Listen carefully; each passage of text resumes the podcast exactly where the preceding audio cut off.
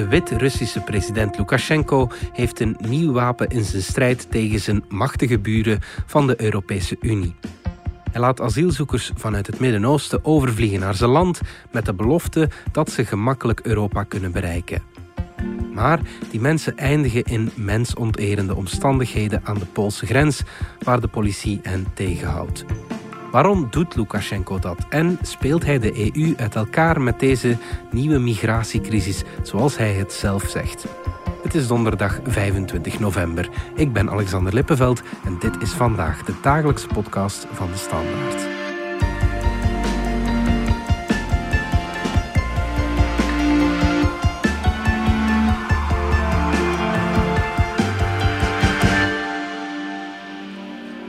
Corrie Janke, buitenlandcorrespondente. Je bent vorige week afgezakt naar de Pools-Wit-Russische grens. Wat zag je daar?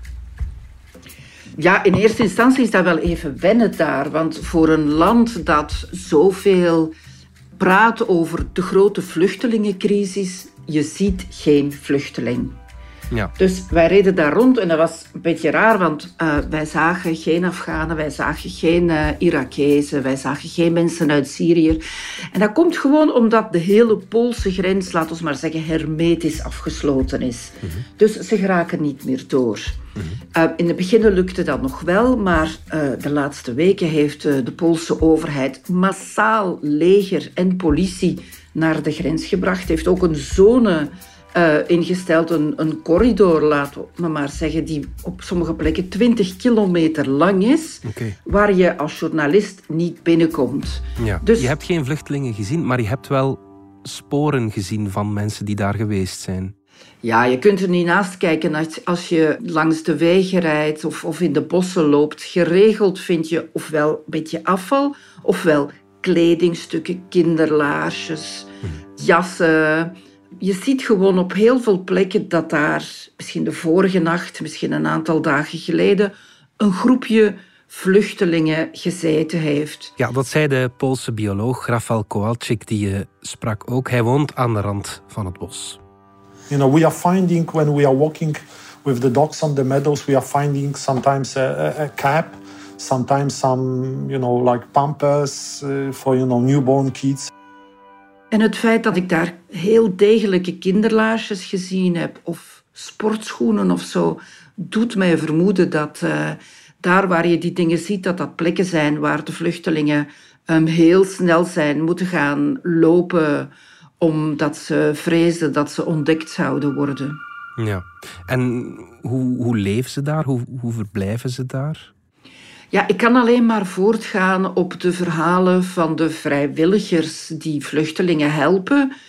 Maar ik moet zeggen, ik heb met zoveel vrijwilligers gepraat die elkaar ook niet kennen. Met dokters, met mensen op totaal verschillende plekken. En die vertellen mij allemaal hetzelfde verhaal, wat maakt dat ik die verhalen wel geloof. Hmm. Ik leer daaruit, of ik deduceer daaruit, dat de toestand van heel veel vluchtelingen echt op dit moment heel schrijnend is.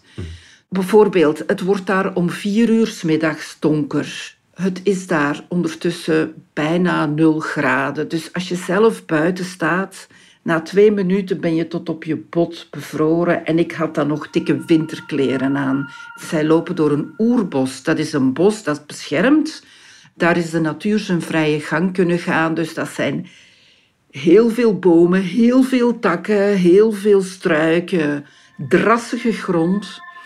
Bijvoorbeeld bij dat oerbos, dat is een zone van 20 kilometer dat die moeten doortrekken. Sometimes they, they, they are roaming in the forest for a few days. Because they have no orientation. Die weten de weg niet. I don't know. And what do they eat? Nothing. Die hebben geen eten.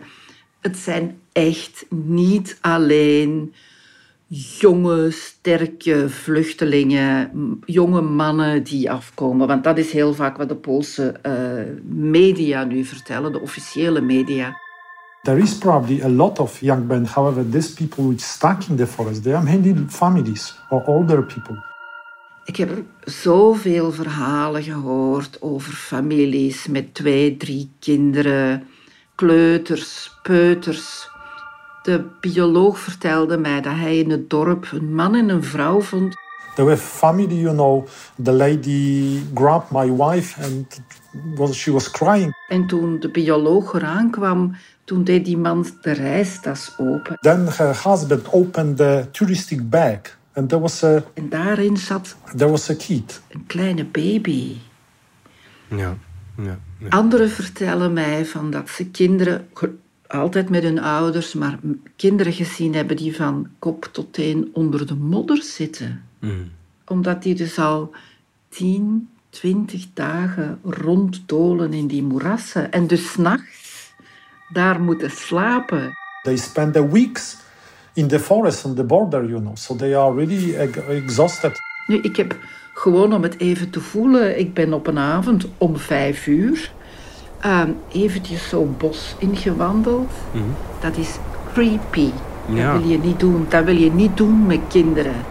En hen vertellen dat het allemaal wel goed komt. Mhm, mhm, ja, er was een hulpverlenster die mij vertelde van het moment dat wij bij die mensen komen, dan reageren die vaak als verschrikte beesten. Als beesten die opgejaagd zijn, omdat ze zo bang zijn van mensen, omdat ze vrezen dat dat de border police is of de soldaten. En dan weten ze dat ze onherroepelijk terug over de grens gaan gezet worden. Er was één hulpverlener die vertelde van wij kwamen daaraan. De meesten gingen lopen en toen we hen konden duidelijk maken dat wij hulp, vrijwillige hulpverleners waren en geen politie, dan zag je gewoon vanuit het struikgewas zo pok, pok, pok, pok, dat ineens mensen gewoon recht stonden en dachten, Ja. het is veilig. ja, dat is op zijn minst tekenend, eh, denk ik. Om hoeveel mensen spreken we ongeveer, weten we dat? Eh, nee, dat weten we niet, omdat de Poolse regering daar geen gegevens over geeft of heeft, dat weet ik niet. Wat, wat de Poolse radio vertelt, is dat de afgelopen maand meer dan 5000 keer ze ontdekt hebben dat vluchtelingen over de grens proberen te geraken. En ze zeggen dat ze sinds eind augustus 300, wat zij mensensmokkelaars noemen, 300 mensensmokkelaars hebben opgepakt.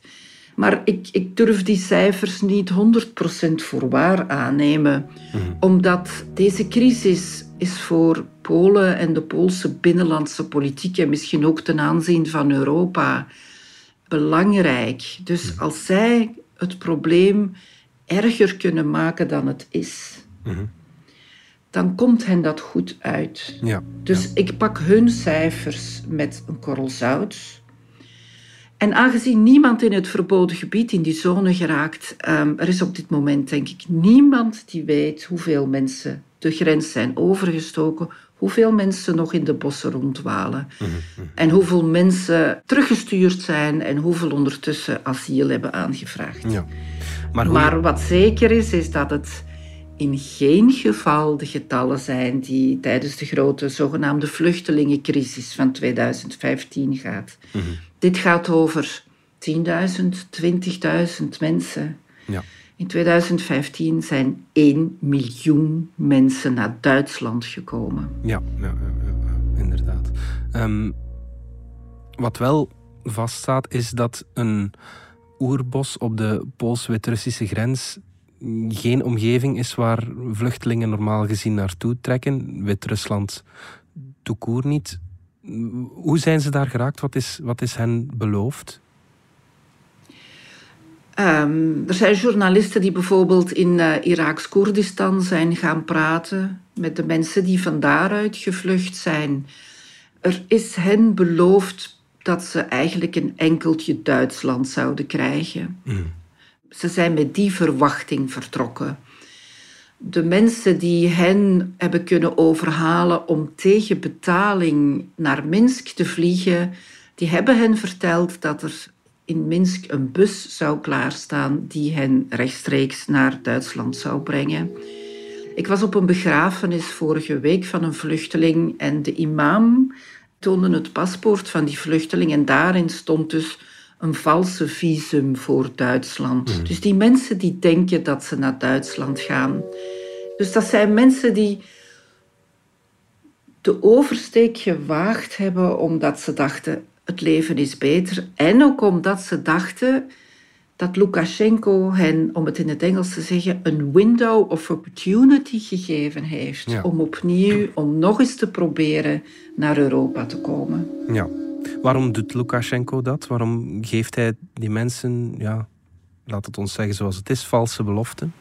Ja, ik vind het onmenselijk wat Lukashenko doet. Mhm. Dus hij gebruikt families met kinderen om de Europese Unie bang te maken. Laat het me maar zo zeggen. De EU ehm, wijst vaak mensen terecht voor het feit dat mensenrechten geschonden worden. Onder andere ook Lukashenko. De EU heeft een aantal zware sancties uitgevaardigd tegen 155 personen nadat de verkiezingen vervalst zijn in augustus 2020 en Lukashenko ten onrechte opnieuw president geworden is. Mhm. En nadat hij echt met een verschrikkelijk brute hand alle critici de mond snoert, opposanten oppakt en in de bak steekt. Het feit dat vluchtelingen de EU niet binnen kunnen, dat ziet Lukashenko ook dat dat in strijd is met een aantal waarden mhm. die EU-politici eh, e gebruiken om andere landen terecht te wijzen. Mhm. En iedereen weet ondertussen, sancties treffen Lukashenko en zijn omgeving. Dus hij wil van die sancties vanaf. Mhm. En dus komt het hem bijzonder goed uit om aan de eigen bevolking duidelijk te maken dat heel dat verhaal, dat mensenrechtenverhaal van de EU, dat dat eigenlijk een dikke farce is. Want dat de EU zich niet aan zijn eigen waarde houdt. Dus wie is de EU dan in naam om hem terecht te wijzen? Mhm. Zij zien ook wel dat de komst van vluchtelingen in Europa voor verdeeldheid zorgt. Mhm. Dus hij weet dat als hij Europa met een probleem opzadelt, dat daarom misschien objectief niet, op dit moment niet zo'n groot probleem is, maar in de geesten een groot probleem is, want hoe de vluchtelingen gaan allemaal weer komen. Ja. Dat hij verdeeldheid kan zaaien binnen de EU. Mhm. En dus hij probeert nu te marchanderen. Hè? Het spel zal zijn van ik ga minder vluchtelingen via Minsk naar jullie brengen op voorwaarde dat jullie de sancties gaan verminderen. Ja, hij kent gewoon de Achilleshiel van de EU heel goed eigenlijk. Ja, inderdaad. Ja. Is dat geen zuivere mensensmokkel, Corrie?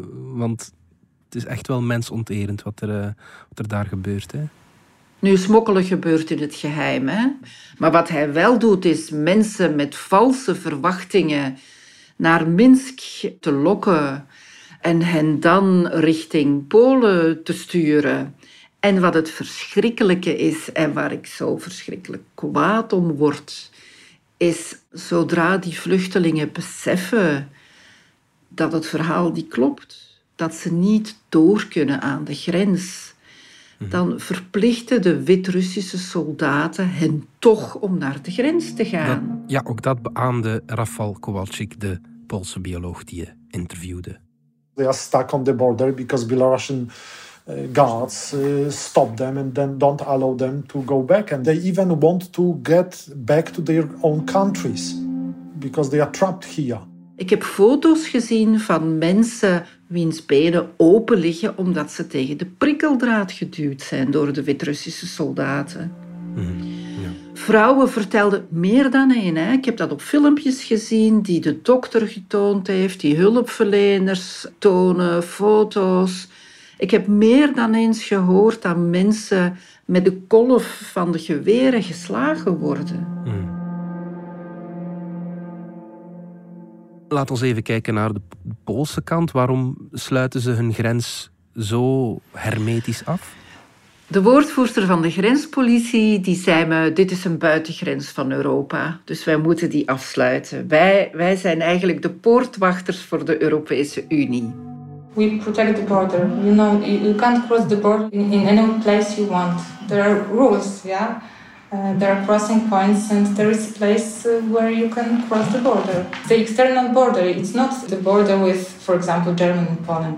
Dat was haar eerste verdedigingslijn. Maar de Europese Unie laat toe dat mensen die vervolgd worden in een ander land, dat die politiek asiel mogen aanvragen. Dus volgens de regels zou het zo moeten zijn dat Polen iedereen die asiel wil aanvragen in Polen, uh, dat hij daar de kans toe moet krijgen. Mm Argument van de Poolse overheid is, maar die mensen willen helemaal in Polen geen asiel, die willen allemaal doortrekken naar Duitsland. Dus wij beschermen Duitsland ook. Ja.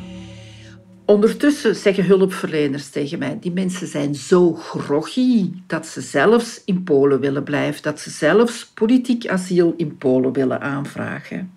Mm Maar dat lukt vaak niet, mm. omdat de grens gesloten is en het bijna niet mogelijk is om aan de grens gewoon alle documenten in orde te maken om politiek asiel aan te vragen, zodat je het land binnen kan. En twee, zoals ik al zei, een groot stuk van de ellende en de angst van de vluchtelingen is dat ze opgepakt zullen worden en terug de grens gaan overgezet worden. Zonder dat onderzoek gedaan is naar zijn ze echt in gevaar of niet, geen dat wij met juridische termen een pushback noemen. Mhm. Polen heeft in oktober een amendement gestemd dat dat toelaat dat mm. toelaat dat mensen zonder onderzoek naar hun situatie in het thuisland, ja. zonder pardon de grens mogen overgezet worden. We zijn terug na de reclame. De wereld verandert sneller dan ooit. Blijf bij met de Enterprise Cloud van Workday. Eén systeem waarmee u continu plant voor elk what-if scenario. Workday, het finance, HR en planningssysteem voor een veranderende wereld. Terug naar de vluchtelingen die vastzitten in een corridor op de Europese buitengrens tussen Polen en Wit-Rusland. Corrie, hoe reageert de Europese Unie op deze situatie? Zij laat uh, Polen zijn gang gaan. Hm. Waarom? Omdat de Europese Unie ook weet, zet die grens open en Lukashenko doet verder dan gaan er steeds meer migranten en vluchtelingen naar Europa komen. Want Europa blijft het beloofde land voor heel veel mensen. Mhm. Dus ja, ik, ik, versta wel dat de Europese Unie of de leiders van de Europese Unie willen dat er geen toestroom komt van heel veel vluchtelingen.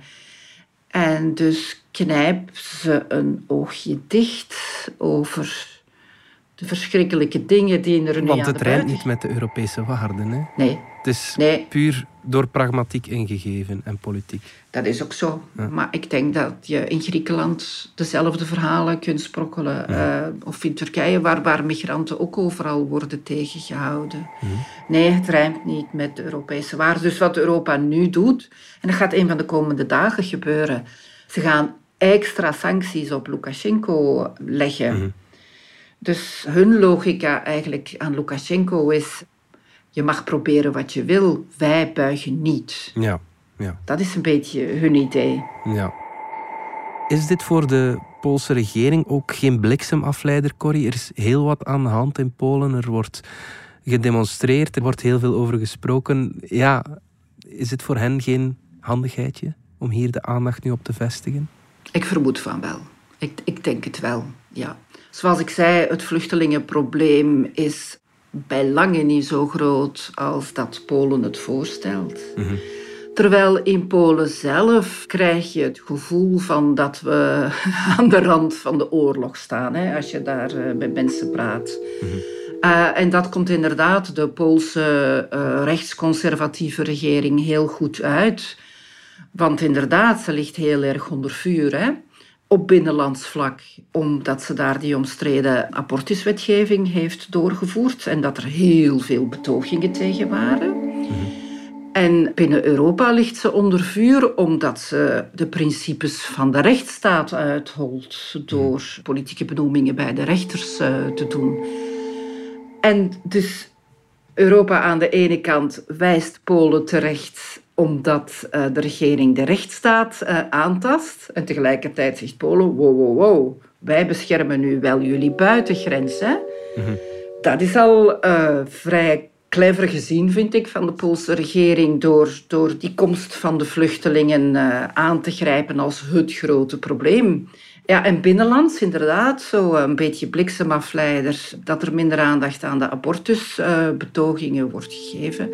En je merkt ook, de hele sfeer is onze arme soldaten die daar aan de grens staan om ons land te verdedigen. Ja, ja, en op die lijn zit ook de woordvoerster van de Poolse grenspolitie. During the nights, uh, the big groups of illegal migrants are forced to cross the border illegally and they are very aggressive. They uh, shoot stones. Het is daar niet prettig, hè? daar ben ik het volledig mee eens. Every morning I'm thinking, oh, I hope that nothing will happen with uh, our border guard officers, yeah? That they were not injured seriously, yeah? Maar het werkt. De recente opiniepeiling van vorige week blijkt dat 52% van de Polen voor pushbacks is. Ja. Dus zij vinden dat de regering goed werk doet. En we zijn zo in een dorp met een aantal mensen gaan praten. Dat was heel boeiend. Dat waren twee vrouwen met wie we praten. En de ene vrouw die begon echt over de arme soldaten en de vluchtelingen komen binnen. En dat zijn allemaal mensen die dan in onze datjas gaan binnenbreken en uh, de boel gaan vernielen. En die andere vrouw die zei nee, ze moeten, ze moeten recht krijgen op asiel. Ze moeten menswaardig opgevangen worden. Dus... Ja, en ook bioloog Rafał Kowalczyk, die actief is in dat gebied, merkt dat er steun komt voor de vluchtelingen. So many people, for example, put the food outside of their houses, especially those living on the edges of the village. Some food, some water, they put it somewhere, you know. So if the refugees are moving by, they can get this. Hoe zie je dit nog evolueren, Corrie? Ik denk dat dat uh, een, uh, een vraag is die heel moeilijk te beantwoorden is. Het kan niet dat mensen zo lijden. Mm -hmm. Het probleem is een beetje dat Lukashenko, die vroeger van twee walletjes at, zowel goede vrienden probeerde te zijn met de EU als met Rusland, dat hij uh, sinds de omstreden verkiezingen uh, die hij eigenlijk verloren heeft, dat hij nu helemaal de kant van Poetin gekozen heeft. Mm -hmm. En dat dus de EU, om het in het Engels te zeggen, helemaal geen leverage heeft om Lukashenko uh, tot dingen te dwingen. En dus krijg je inderdaad de harde lijn bij een aantal politici, ook hier in Duitsland. De Duitse minister van Buitenlandse Zaken die zegt van wij zijn niet chanteerbaar. Tegelijkertijd heb je toch politici zoals Merkel, mm -hmm. voorlopig nog altijd wel een topdame bij de EU, die zegt uh, voor de toekomst een escalatie met Wit-Rusland en Poetin, dat is een straatje zonder eind, dat moeten we vermijden, dus we moeten praten. Want alleen met praten en misschien ook met handel drijven, maar in alleen zorgen als we terug banden krijgen, dan gaan we druk op hen kunnen uitoefenen. Mm. Nu, dat is een antwoord op de hele lange termijn. Ja, voor de korte termijn weet ik niet wat er gaat gebeuren, omdat Polen hier garen bij spint. En dat de EU toelaat dat eigenlijk fundamentele mensenrechten, zoals het recht op uh, politiek asiel, uh, aan te vragen, uh, dat die geschonden worden. Ik denk dat alles ervan af zal hangen van hoe Lukashenko gaat uh, reageren. Als hij ermee stopt, uh, gaat het probleem denk ik wel opgelost geraken. Ik bedoel, als hij stopt met vluchtelingen, mensen naar, uh, via Minsk naar Europa te duwen. Als hij dat niet doet, ben ik heel bang dat we nog heel veel ellende gaan meemaken de komende ijskoude wintermaanden. Mm-hmm. Oké, okay. Corrie Hanke, dankjewel. Graag gedaan. Dit was vandaag de dagelijkse podcast van de Standaard. Bedankt voor het luisteren. Ken je trouwens DS Podcast al, de podcast-app van de Standaard? Daar luister je niet alleen naar onze journalistieke reeksen, je krijgt ook elke week een eigenhandige selectie van de beste nieuwe podcasts op de markt. Alle credits van de podcast die je net hoorde vind je op standaard.be-podcast. Reageren kan via podcast.standaard.be. Morgen zijn we opnieuw.